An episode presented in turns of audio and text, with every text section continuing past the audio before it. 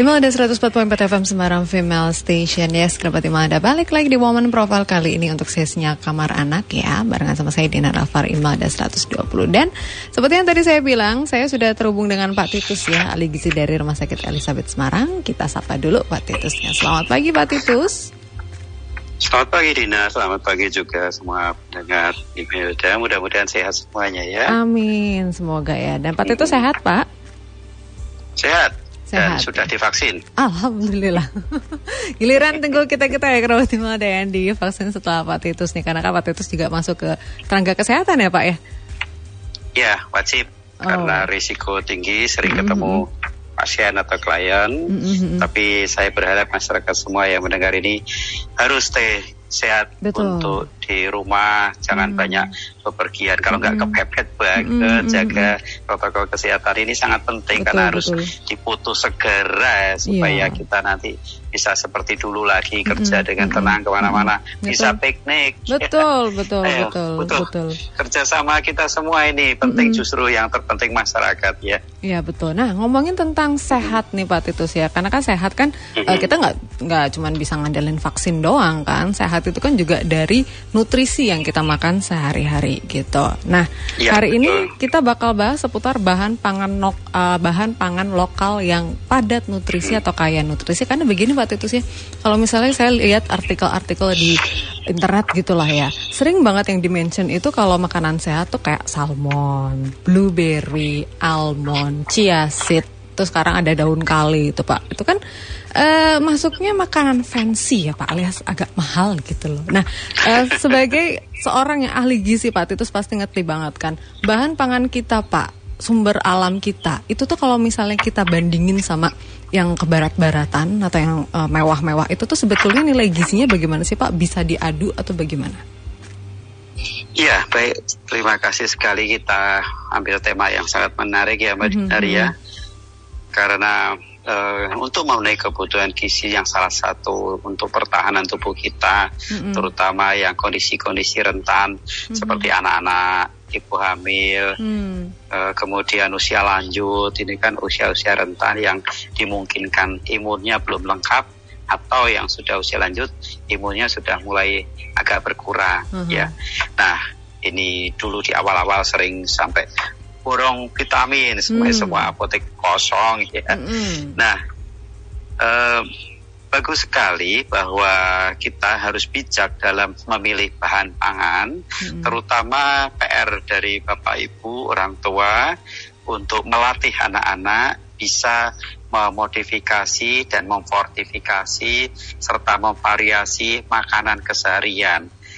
Nah, jangan terpancang dengan jenis yang itu-itu saja Hmm, hmm. seperti ya makanan pokok nasi. Kemudian kalau misalnya lauk nanti daging, ayam, Mhm, telur, mhm, mhm. tahu tempe. Ya. Mhm. Lalu untuk buah-buahan juga bahkan anak-anak sudah terbesit kalau ditanya buah apa yang ada langsung terjawab apel padahal apel banyak impor ya Mm-mm. anggur ya Mhm. anggur lokal juga ada tapi impor juga banyak ya Betul. Nah, di sini bahwa pakan lokal di Indonesia itu sebetulnya sangat kaya sekali. Kita nggak kalah dengan makanan-makanan di luar dan kalau sudah dihitung-hitung dengan dirinci ini bahwa pangan lokal kita ini luar biasa. Ada 77 jenis untuk pangan lokal karbohidrat, ada 75 jenis protein, ada 110 jenis rempah bumbu. Ini luar Hmm. biasa Indonesia Hmm. rempah bumbu itu sangat kaya. Belum lagi buah-buahan itu ada 389 buah Hmm. lokal Indonesia itu. Hmm. Sayuran juga lebih dari 200. Kemudian juga Ya, banyak sekali. Minuman-minuman pun macamnya banyak lebih dari 30 bahkan sekitar 40. Kacang-kacangan juga jumlahnya ada lebih dari 20 mungkin tepatnya. Ada 26 macam. Nah, dengan jenis pangan lokal yang ada di Indonesia yang banyak sekali jenisnya itu walaupun ada yang asal mulanya dari luar ya kemudian Iya. menjadi pangan lokal Indonesia kayak kedelai itu kan Mm-mm. aslinya dari luar ya Mm-mm, tapi di mm-mm. Indonesia menjadi ada makanan tradisional yang kita sebut tahu tempe. Hmm. Nah, itu ternyata gizinya luar biasa. Mm-mm. Nah, kalau anak-anak kita tidak dilatih dengan makanan seperti itu, akhirnya ada yang ah tempe nggak enak mah tempe itu aduh bikin pusing. Nah hmm. akhirnya keluhan-keluhan muncul. Kenapa? Karena tidak dibiasakan dari kecil. Hmm. begitu juga untuk pangan yang lain seperti karbohidrat. Ini mohon bisa Bapak Ibu latih anak-anak kita dengan variasi makanan yang ada di Indonesia. Tidak harus nasi kan Bapak Ibu? Hmm. walaupun juga praktis mudah di pasaran roti, biskuit itu banyak sekali ya. Mm-hmm. Nah, itu harus dari gandum karena gandum itu ternyata ada kelemahannya yaitu seratnya kurang dibandingkan mm. dengan nasi. Itu malah lebih bagus nasi seratnya oh. lebih tinggi. Okay. Tapi ternyata tidak kalah uh, nilai gizinya seperti jagung, hmm. talas, ubi, singkong, ganyong, kembili, garut. Kalau kita sebutkan banyak sekali hmm. yang saya sebut tadi 77 macam ya. Nah ini hmm. PR kita untuk Bapak Ibu semuanya, tolonglah di variasi makanan-makanan tradisi kita kita sebut makanan tradisi ya atau mm-hmm. tradisional yang tentu harus dicukupi gizinya. Mm-hmm. Mungkin uh, makanan kalau orang tua sering menyebutnya jajanan pasar gitu ya kalau orang mm-hmm. Jawa ya. Yeah. Nah jajanan pasar itu ada getuk, ada cat apa catot, ada apa semacam gatot, mm-hmm. ada macam-macam jenis makanan cemilan. Nah jajanan pasar pada umumnya isinya sebagian besar karbohidrat sih, ada ketan misalnya juga ada. Ini bisa uh, dimodifikasi dengan lengkapi ada proteinnya. Misalnya seperti kacang merah, kemudian juga kacang tolo dengan berbagai macam olahan ini akan membuat nilai gizinya bagus, bahkan mungkin bisa lebih bagus dari produk luar. Ini hmm, hmm. banyak sekali produk Indonesia yang sebetulnya lebih unggul. Seperti ikan, apakah harus salmon? Hmm. Aduh, 300 ribu lebih bu betul, untuk betul. harganya per kilo. Hmm. Nah, kenapa? Ternyata ikan kembung, ikan uh, mujair itu tidak kalah gizinya kok dengan ikan jenis-jenis yang ada dari luar yang uh, istilahnya keren tadi ya salmon hmm. gitu ya. Hmm. ya dimasak juga amis juga salmon hmm. ya. kenapa harus itu ternyata nilai gizi dari ikan-ikan lokal itu gak kalah tingginya ya nilai proteinnya juga gak kalah bahkan variasi olahannya pun bisa macam-macam banyak sekali ya mm-hmm. lele itu masaknya juga sebentar bisa digoreng bisa dipepes bisa di bumbu kuning bisa juga di macam macam-macam sekali. Atau digoreng sebentar kemudian dibakar juga bisa. Banyak sekali olahan uh, supaya anak itu suka dengan makanan-makanan yang terutama saran saya memang cobalah kita latih dengan makanan lokal yang ada di Indonesia dulu. Itu banyak sekali jenisnya. Di Semarang juga nggak kalah banyaknya. Walaupun kadang-kadang cari singkong agak susah ya sekarang mm -hmm. ya. Mm -hmm. ya tapi bisa masih bisa masih ada diupayakan dan nggak nggak nggak mahal sekali ya walaupun kalau ubi ubi cilembu mungkin agak mahal ya mm -hmm. tapi masih banyak ubi-ubi lokal yang ada jenis ubi kuning ada ubi putih dengan variasi uh, nilai gizinya yang terkandung itu nggak kalah pentingnya dengan jenis makanan dari luar prinsipnya seperti itu jadi mohonlah Bapak Ibu untuk coba bijak dengan memberikan variasi olahan maupun juga variasi bahan pangan hmm. ini penting sekali Bapak Ibu supaya apa anak kenal dengan makanan kita uh, biasa konsumsi waktu zaman dulu ya tahun uh, 50 60 uh, udah lahir belum ya tahun 60-an saya sudah lahir ya, tahun 60-an hmm. jadi kelihatan usianya ya. Hmm. Nah, ini dulu banyak makanan tradisional. Kenapa sekarang mulai kurang ada lalu makanan-makanan impor atau produk-produk impor itu banyak sekali yang bahkan juga rumah makan yang istilahnya rumah makan uh, dari Eropa banyak di hmm. Indonesia hmm. ya dari Jepang Korea banyak sebetulnya menu Indonesia itu nggak kalah uh, rasanya nggak kalah nilai gizinya juga. Mm-hmm. Coba bisa nggak ya semacam uh, franchise makanan lokal sampai uh, sebetulnya sudah ada sih makanan seperti mendoan itu di Australia di Inggris ternyata mm-hmm. mahal. Yeah, Sepotongnya betul, betul. aja sudah kalau dirupiahkan sekitar lima belas ribu rupiah mm-hmm. kalau nggak salah ya.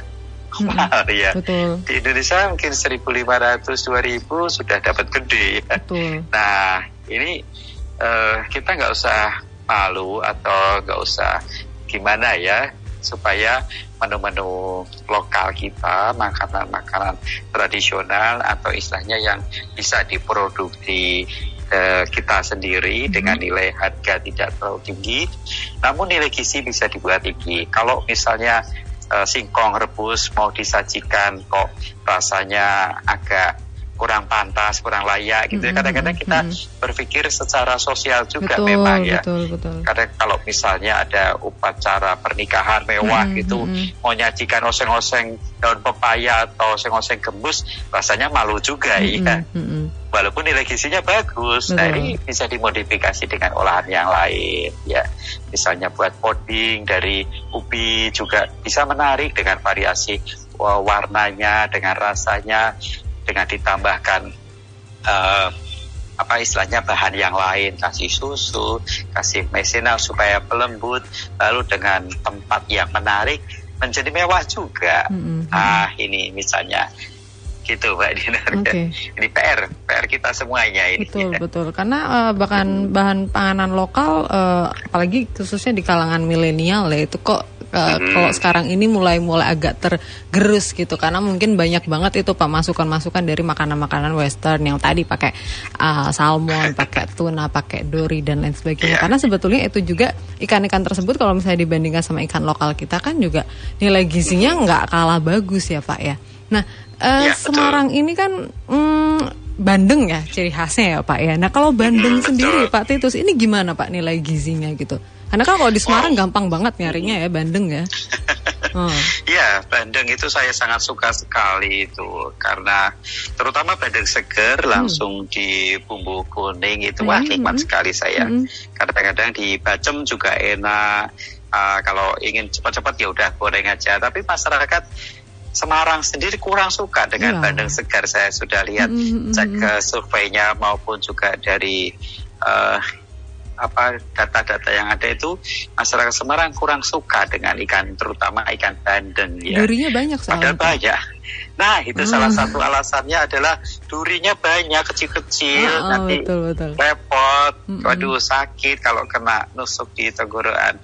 Nah sebetulnya sudah banyak dengan antisipasinya di pasaran ada bandeng tanpa duri disingkat hmm. batari. Hmm. Kita juga bisa kok lihat di YouTube bagaimana caranya mencabuti duri dari ikan bandeng itu bisa sendiri tidak sulit karena hmm. kalau beli yang sudah tanpa duri memang agak mahal hmm. ya. Hmm, hmm. Cabuti sendiri Bu, gampang hmm. kok. Atau bandeng presto, wah di ah. Semarang memang pusatnya itu betul, ya. Betul, betul. Nanti bisa goreng telur bisa atau dibuat lauk yang lain juga bisa.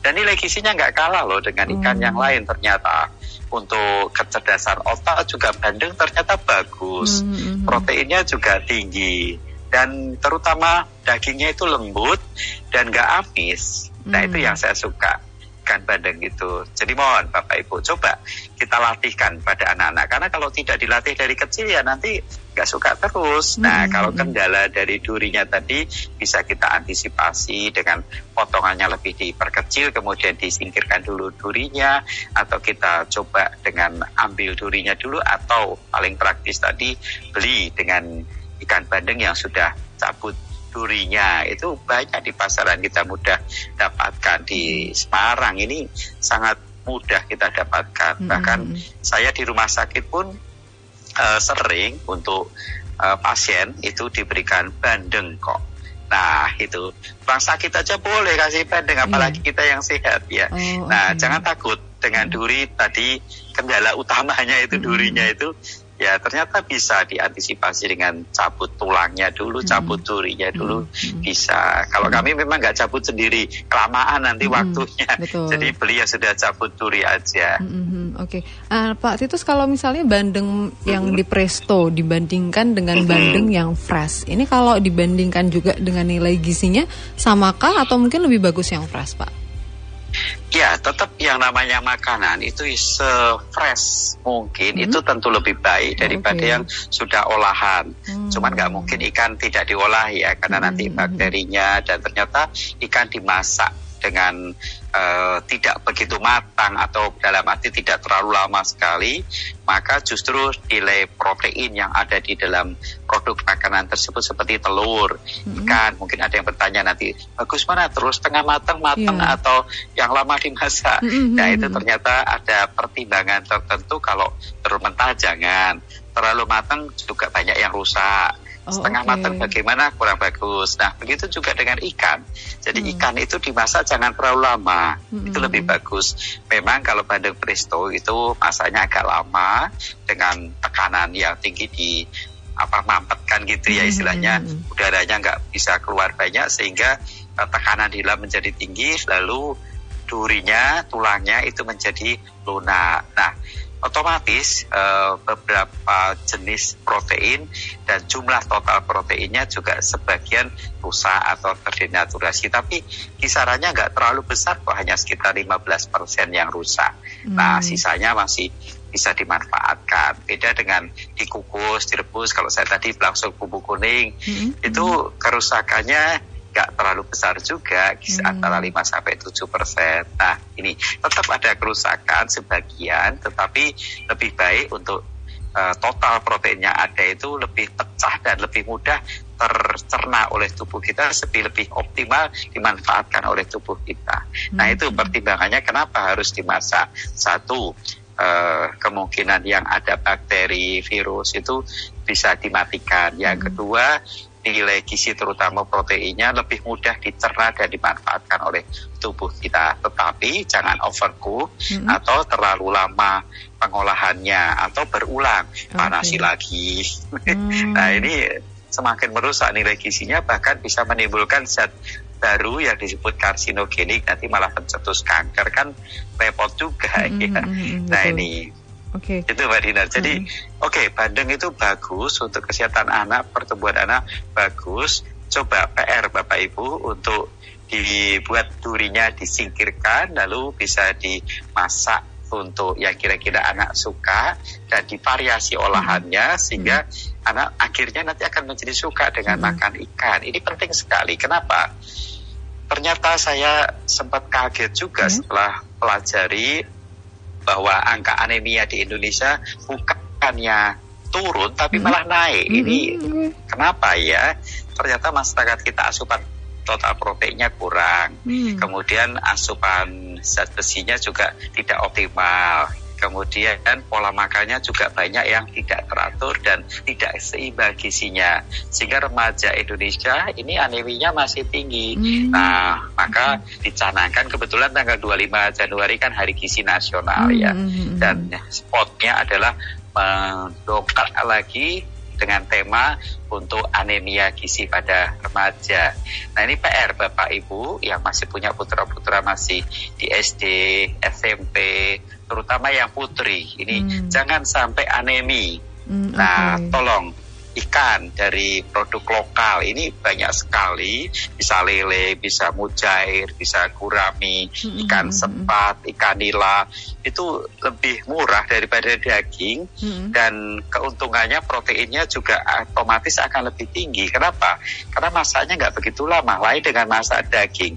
Bapak mm. ibu apakah bisa masak daging 10 menit aja? Yeah, belum lunak gitu masih mm. keras ya sehingga lama masak daging. Akhirnya nilai gizinya banyak yang rusak dibandingkan ikan mm-hmm. itu goreng nggak sampai tiga menit aja mm-hmm. sudah matang dagingnya sehingga nggak banyak yang rusak mm-hmm. zat gizinya. Nah ini penting untuk mencukupi kebutuhan protein dan zat besi. Mm-hmm. Akhirnya anemi di Indonesia ini mohon kita perjuangkan bersama bisa diturunkan.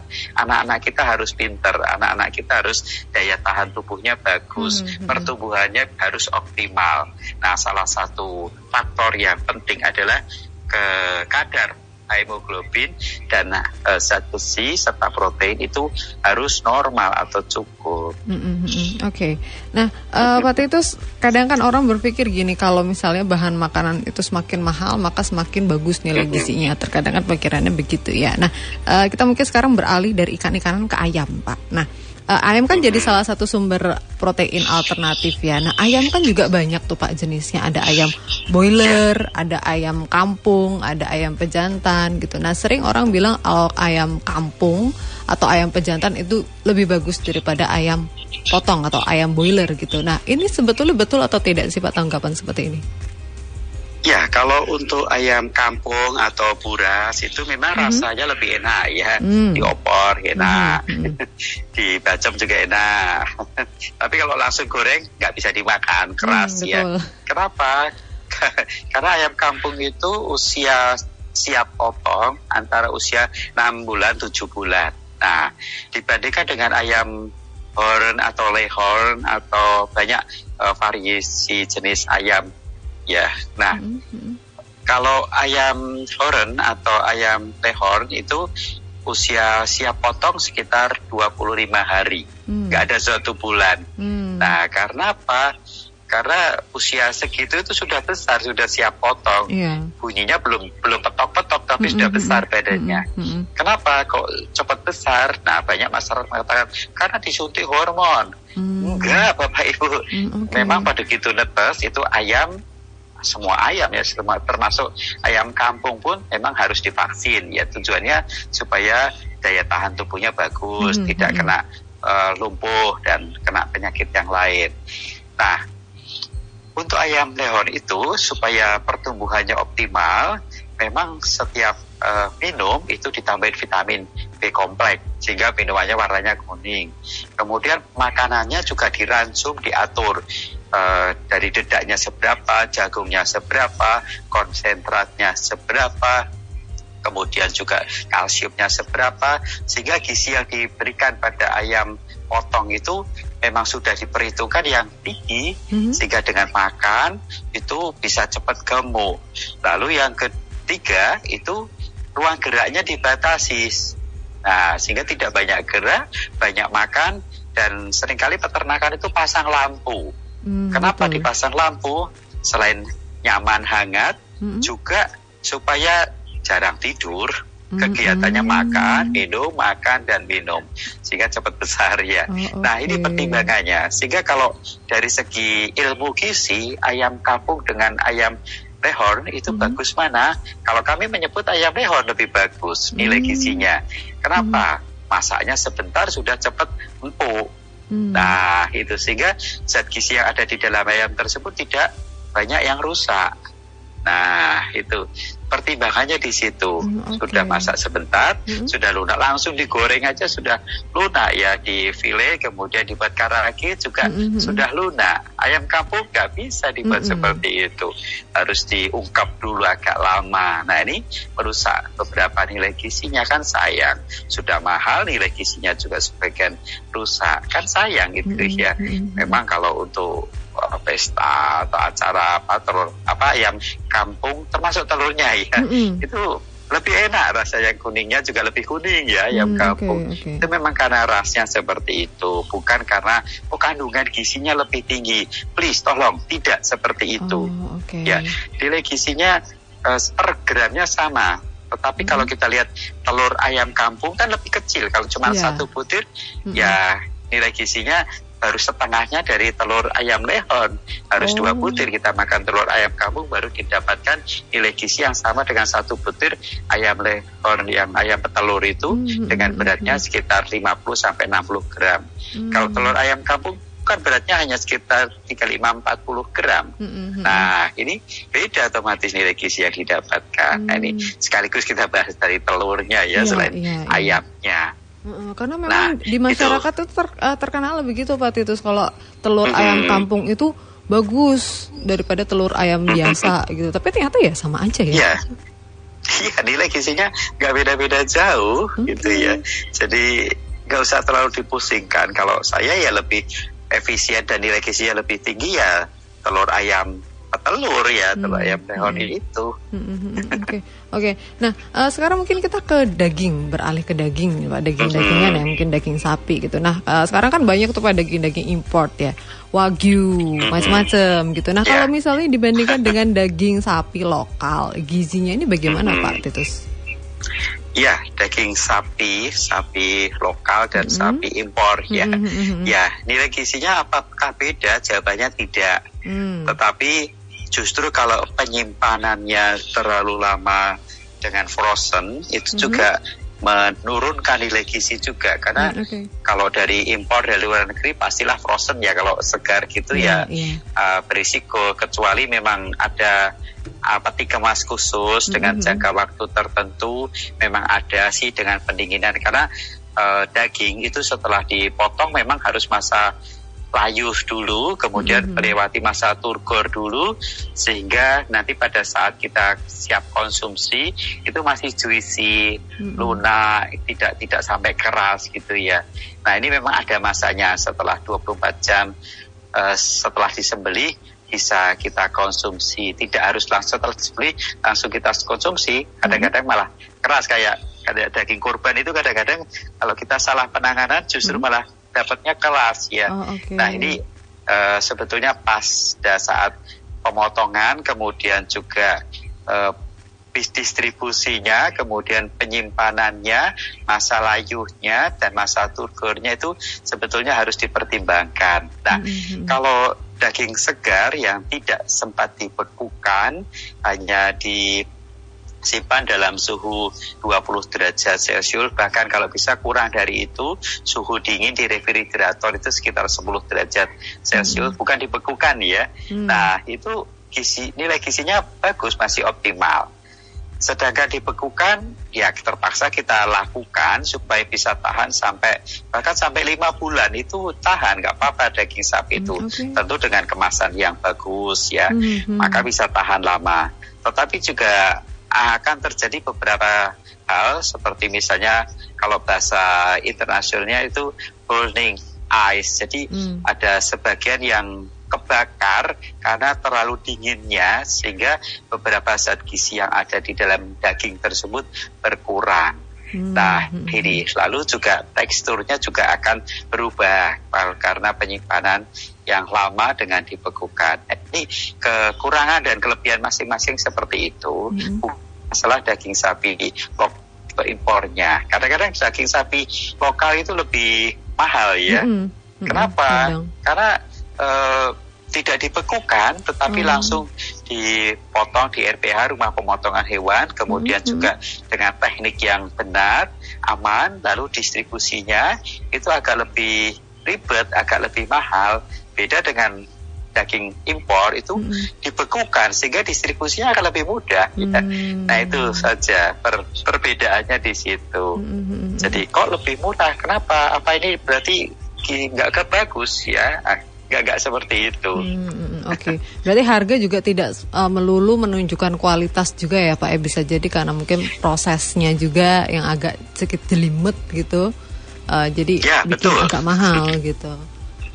Oke, okay, nah ini Pak juga ada nih uh, yang lagi rame gitu, daun katuk versus daun kale. Jadi daun kale ini lagi uh, banyak banget ya omongin Pak Titus katanya bagus banget ya, padahal ini juga uh, meskipun daun-daunan aja ya, tapi hmm lumayan juga mahal harganya. Nah sebetulnya kan ada juga Pak beberapa sayur-sayuran di Indonesia yang kurang populer gitu kayak daun katuk, daun apa tuh namanya kelor, terus genjer. Yeah terus masih banyak gitu Pak. Nah uh, daun-daunan seperti ini tuh nilai gizinya bagaimana sih Pak Titus? Bagus atau enggak sebetulnya Pak? Wah ingat ingat genjer waktu saya kecil -hmm. sering cari di sawah ya. Nah itu Pak. Asik. Zaman dulu tuh sawah, orang doyan kan? banget genjer kan. Zaman sekarang mana ya, ada. pasar ah susah ya. Susah. Padahal enak banget loh ya oseng-oseng uh, itu. Waduh nah. nikmat agak-agak pahit gimana gitu mm, ya. mm, mm, anak sekarang kalau dikasih gadget ini apa? Uh, uh, kena nggak gitu ya? nggak ya dia. Ya, jadi gini, yang uh, memang PR yang di depan tadi sudah saya sampaikan, mm-hmm. uh, mohon maaf kelemahan kita dari orang tua itu kurang dalam memberikan variasi jenis makanan kepada anak-anak kita hmm. sehingga kadang ya jadi kurang kenal dengan jenis makanan yang terutama makanan-makanan lokal kita ya. Hmm. Kenapa? Ya ya maklum sih Bapak Ibu sekarang sibuk ya, lalu yeah. masak juga cari cepatnya praktis, bahkan sering nggak masak ya, mm-hmm. masak nasi aja nanti lauk sama sayurnya beli ya. Betul. ya, ya sehingga akhirnya makan apa? Ya udah apa yang ada nasi goreng apalah gitu. Sehingga yang terjadi variasi jenis makanan, terutama sayuran ini, aduh PR kita penting sekali nih ya Bapak mm-hmm. Ibu. Banyak anak-anak bahkan orang dewasa pun tidak suka sayur Hmm. Kalaupun makan sayur ya sedikit, yang penting syarat ada sayur ya. Setengah hmm. sendok makan udah dianggap udah makan sayur. Nah, tercengang juga saya melihat hmm. data di Riskesdas uh, tahun 2013 maupun 2018 bahwa asupan serat masyarakat Indonesia itu nggak ada 20% dari kebutuhan. Nah, ini ironis sekali. Kenapa saya sebut ironis? Mm-hmm. Karena sayur dan buah itu kan murah di yeah. Indonesia ya. Mm-hmm. Buah lokal ya, sayuran lokal itu murah. Mm-hmm. Tapi kenapa asupan serat masyarakat Indonesia rendah? Akibatnya apa? Penderita penyakit jantung tinggi sekali, stroke mm. tinggi sekali. Penderita penyakit uh, saluran pencernaan, kanker usus itu banyak sekali. Ini Bapak Ibu kalau nggak percaya tengok rumah sakit, ayo. Mm-hmm. nah, ini mohon latihlah anak-anak dengan suka sayuran-sayuran lokal. Kita nggak usah terlalu uh, ya memang kadang-kadang saat ini tren jenis sayuran ini. Yeah. Besoknya lagi ganti trennya apalagi. Mm -hmm. Prinsipnya kita tidak usah terlalu terpengaruh dengan tren-tren karena semua sayuran, semua buah itu bagus, nilai gizinya bagus mm -hmm. ya. Bayam bagus, tapi banyak yang takut makan bayam ya Bapak yeah. Ibu ya. Mm -hmm. Kenapa? Kok takut nanti asam urat asam urat itu bukan disebabkan bayam okay. terus nanti anaknya jadi jarang diberi bayam juga kan kasihan mm -hmm. nah ini uh, lalu tadi daun katu, wah itu nilai gizinya bagus sekali daun yeah. katu ya, mm -hmm. terkenal untuk melancarkan ASI, ternyata antioksidannya juga tinggi, mm -hmm. antosianin dan segala macam zat gizi maupun non zat gizi yang bermanfaat untuk kesehatan itu ternyata tinggi sekali di dalam sayuran-sayuran mm -hmm. lokal kita. Nah ini sawi juga banyak jenisnya ada sawi sendo, sawi asin, ada sawi asin itu daulan ya, mm-hmm. ada banyak-banyak macam sekali. Tapi ya ini tugas kita memang tidak mudah. Tolong kita sendiri jangan mudah dengan um, oh ini sayurannya bagus sekali loh, sering-sering makan sayur ini ya. Tidak tidak harus seperti itu. Jadi kita variasi karena semua sayuran bagus, mm-hmm. tidak harus dengan uh, ini saja gitu ya. Mm-hmm. Nah, tapi ya tergantung pengolahan juga. Mm. Seperti misalnya nangka muda gori digudeg mm-hmm. lalu dipanasi berulang kali. Ya nilai gizinya jadi kayak apa? Tentu sudah banyak turun ya, walaupun mm-hmm. enak ya gudeg mm-hmm. gitu betul, ya. Betul. Itu salah satu contoh olahan mm-hmm. dari sayuran lokal kita itu nasi gudeg itu enak sekali mm-hmm. ya. Tapi di Eropa ada nggak ya? Nasi gudeg nggak tahu ya. Tetapi ini pesan saya tolong Bapak Ibu mulai dengan coba memvariasi jenis makanan apa pun. Baik makanan pokoknya lauk pauknya baik hewani nabati hmm. sayur maupun juga buah. Nah kalau anak-anak hmm, kurang suka diajak makan bersama. Kemudian kita makan lalu anak-anak ayo coba ini. Enak loh. Hmm. misalnya gitu karena kalau anak kita paksakan, ayo makan ini enak, tapi kita sendiri nggak makan, ya namanya nggak adil dong. Mm -hmm, betul, Dan betul. anak sekarang pinter ya, mama mm -hmm. aja nggak mau kok saya dipaksain betul. gitu ya. Harus nah, ini penting ya. sekali. Mm-hmm. Betul, buah juga demikian. Anak-anak hmm. sekarang itu kalau nggak dikupaskan atau nggak dijus, nggak mau makan. Nah itu dia. Ya, dia ada apel di kulkas, ambil makan, nggak mau. Mm-hmm. Nah, kita ngomongin ke buah nih Pak sekarang Pak Titus ya. Buah-buahan mm-hmm. lokal kita kan sebetulnya banyak banget ya Pak ya. Tapi uh, sangat banyak. Banyak, tapi ya itu mm-hmm. uh, kebanyakan orang-orang kalau misalnya uh, sebut buah-buahan yang bergizi gitu. Sebutnya apel ya. Kebanyakan import ya. Apel, anggur, anggur gitu blueberry raspberry strawberry itu import semua bapak-bapak ibu-ibu ya. Nah yeah. buah-buahan lokal kita yang superfood atau yang uh, kaya nutrisi itu apa aja pak? Titus tolong disebutkan.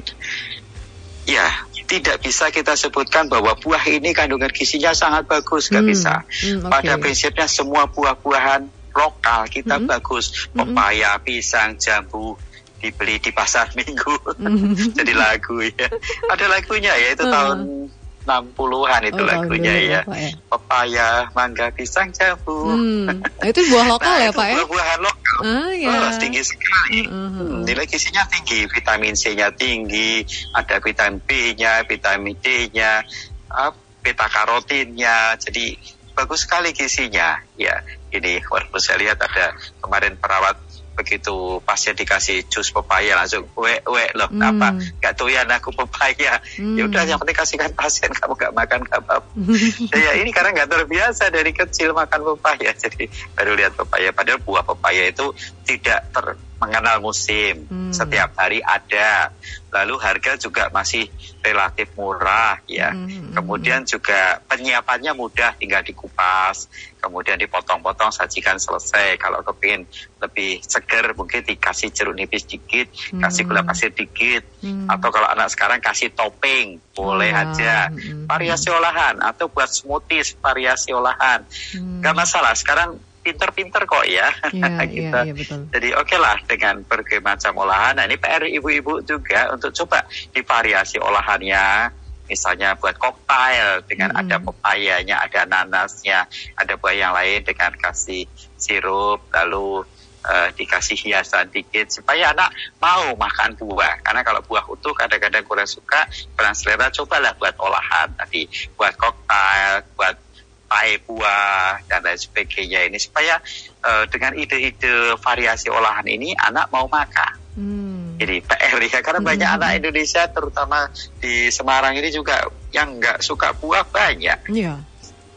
Ya gimana okay. Mbak Dina? Nah, uh, Pak Titus ini berarti kan buah-buahan lokal kita kan juga sebetulnya banyak banget mm -hmm. ya yang kaya nutrisi gitu. Jadi nggak nggak melulu yeah. harus yang buah-buahan uh, import kayak apel, anggur dan beri-berian mm -hmm. gitu. Ternyata juga banyak banget yang uh, bergizi yeah. gitu ya Pak ya. Nah kita ada pertanyaan Pak Titus dari uh, Mas Andi yang ada di Jepara. Ini pertanyaan, kenapa sih kalau misalnya ada menu daging ayam itu biasanya disertai dengan daun kemangi? Nah, apakah ini ada alasan medisnya atau mungkin uh, daging ayam dengan kemangi ini klop gitu kalau dari segi nutrisi atau gimana Pak Titus?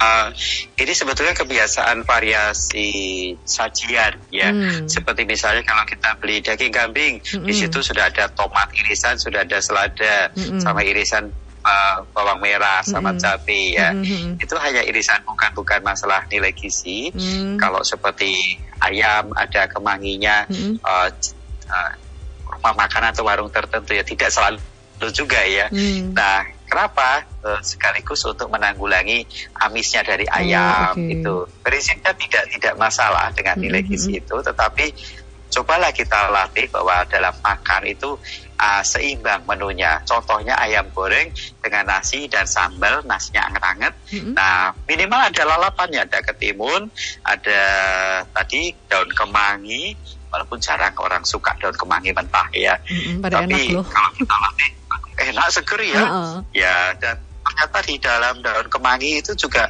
bisa membuat aroma tubuh kita jadi lebih nah, bagus loh, itu. jadi wangi loh. Hmm. ya, nanti keringetnya jadi wangi loh. Hmm, hmm, hmm, hmm. ya, kan ini keuntungan dari zat-zat gizi yang ada di dalam makanan kita itu banyak sekali manfaatnya mm-hmm. dan gak mahal kan ya betul. juga gak mahal betul, tapi betul, yang penting betul. dicuci bersih dengan air mengalir ya mm-hmm. ini kadang-kadang kalau pencuciannya nggak bersih takutnya nanti ada yang ikut di situ yeah, nempel di yeah, situ yeah. kan risiko juga mm-hmm. ini nggak nggak begitu masalah bapak untuk masalah dengan makan ayam harus ada kemanginya makan sate kambing harus ada tomatnya dan mm -hmm. daun seladanya enggak enggak seperti itu mm. tetapi yang penting kita upayakan semua golongan usia baik anak, remaja, dewasa maupun usia lanjut hmm. usahakanlah dalam makan menunya seimbang. Hmm, Oke. Okay. Gitu. Uh, Pak Titus mungkin ini terakhir dan sebagai untuk review juga Pak dari apa yang sudah kita bahas gitu tentang uh, bahan pangan lokal yang padat nutrisi mungkin boleh di review lagi Pak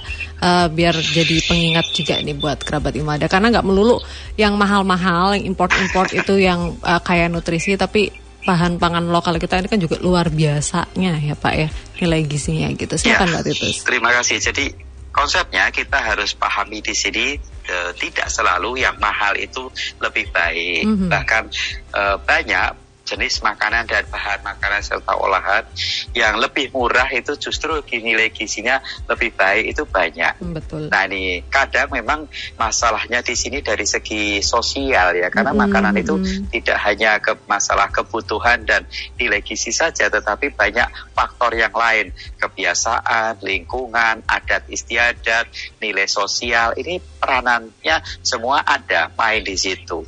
Nah kita upayakan memang budaya itu harus kita lestarikan hmm. ya baik sekali sebagai uh, kebudayaan itu penting ya uh, kemudian juga eh, menu-menu uh, Indonesia lokal itu kan banyak sekali yang bisa kita pertahankan seperti nasi kudangan, nasi pecel itu kan hmm. kan menu lokal yang bagus, hmm. sehat dan nilai gizinya tinggi tetapi sayangnya kadang-kadang dalam kondisi tertentu dianggap kurang bergengsi. Nah hmm. ini yang harus kita coba perbaiki dengan uh, perbaikan kadang-kadang kalau di ganti namanya menjadi uh, nama bahasa asing bahasa Inggris harganya jadi lebih mahal ya betul. ayam goreng dengan fried chicken harganya sudah beda ya betul betul betul nah, sama nah, ya di sinilah uh, sama ayam goreng mm -hmm. ya nah di sinilah ke peranan kita sebagai orang tua untuk mendidik anak